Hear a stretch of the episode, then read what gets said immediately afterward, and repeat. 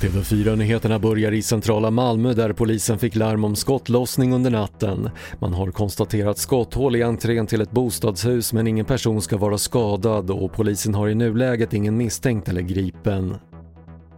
Två mobiltelefoner som hittats i det kraschade planet i Örebro kan ge viktiga detaljer om olyckan i torsdags då nio personer omkom. Förhoppningen är att det kanske finns filmer inifrån kabinen och i helgen ska flygplansvraket flyttas till haverikommissionens lokaler i Strängnäs för vidare undersökning. Haiti har bett FN att skicka fredsbevarande styrkor. Haiti har tidigare även bett USA om att skicka soldater för att öka säkerheten och skydda viktig infrastruktur i landet efter att president Jovenel Moïse mördades i onsdags. Och över 120 000 människor i södra Japan har tvingats lämna sina hem då ett kraftigt oväder närmar sig. Myndigheterna vill förhindra en katastrof lik den för en vecka sedan då nio människor omkom och 20 saknas efter att intensivt regnande utlöste jordskred som svepte med sig hus. Det var det senaste från TV4 Nyheterna. Jag heter Patrik Lindström.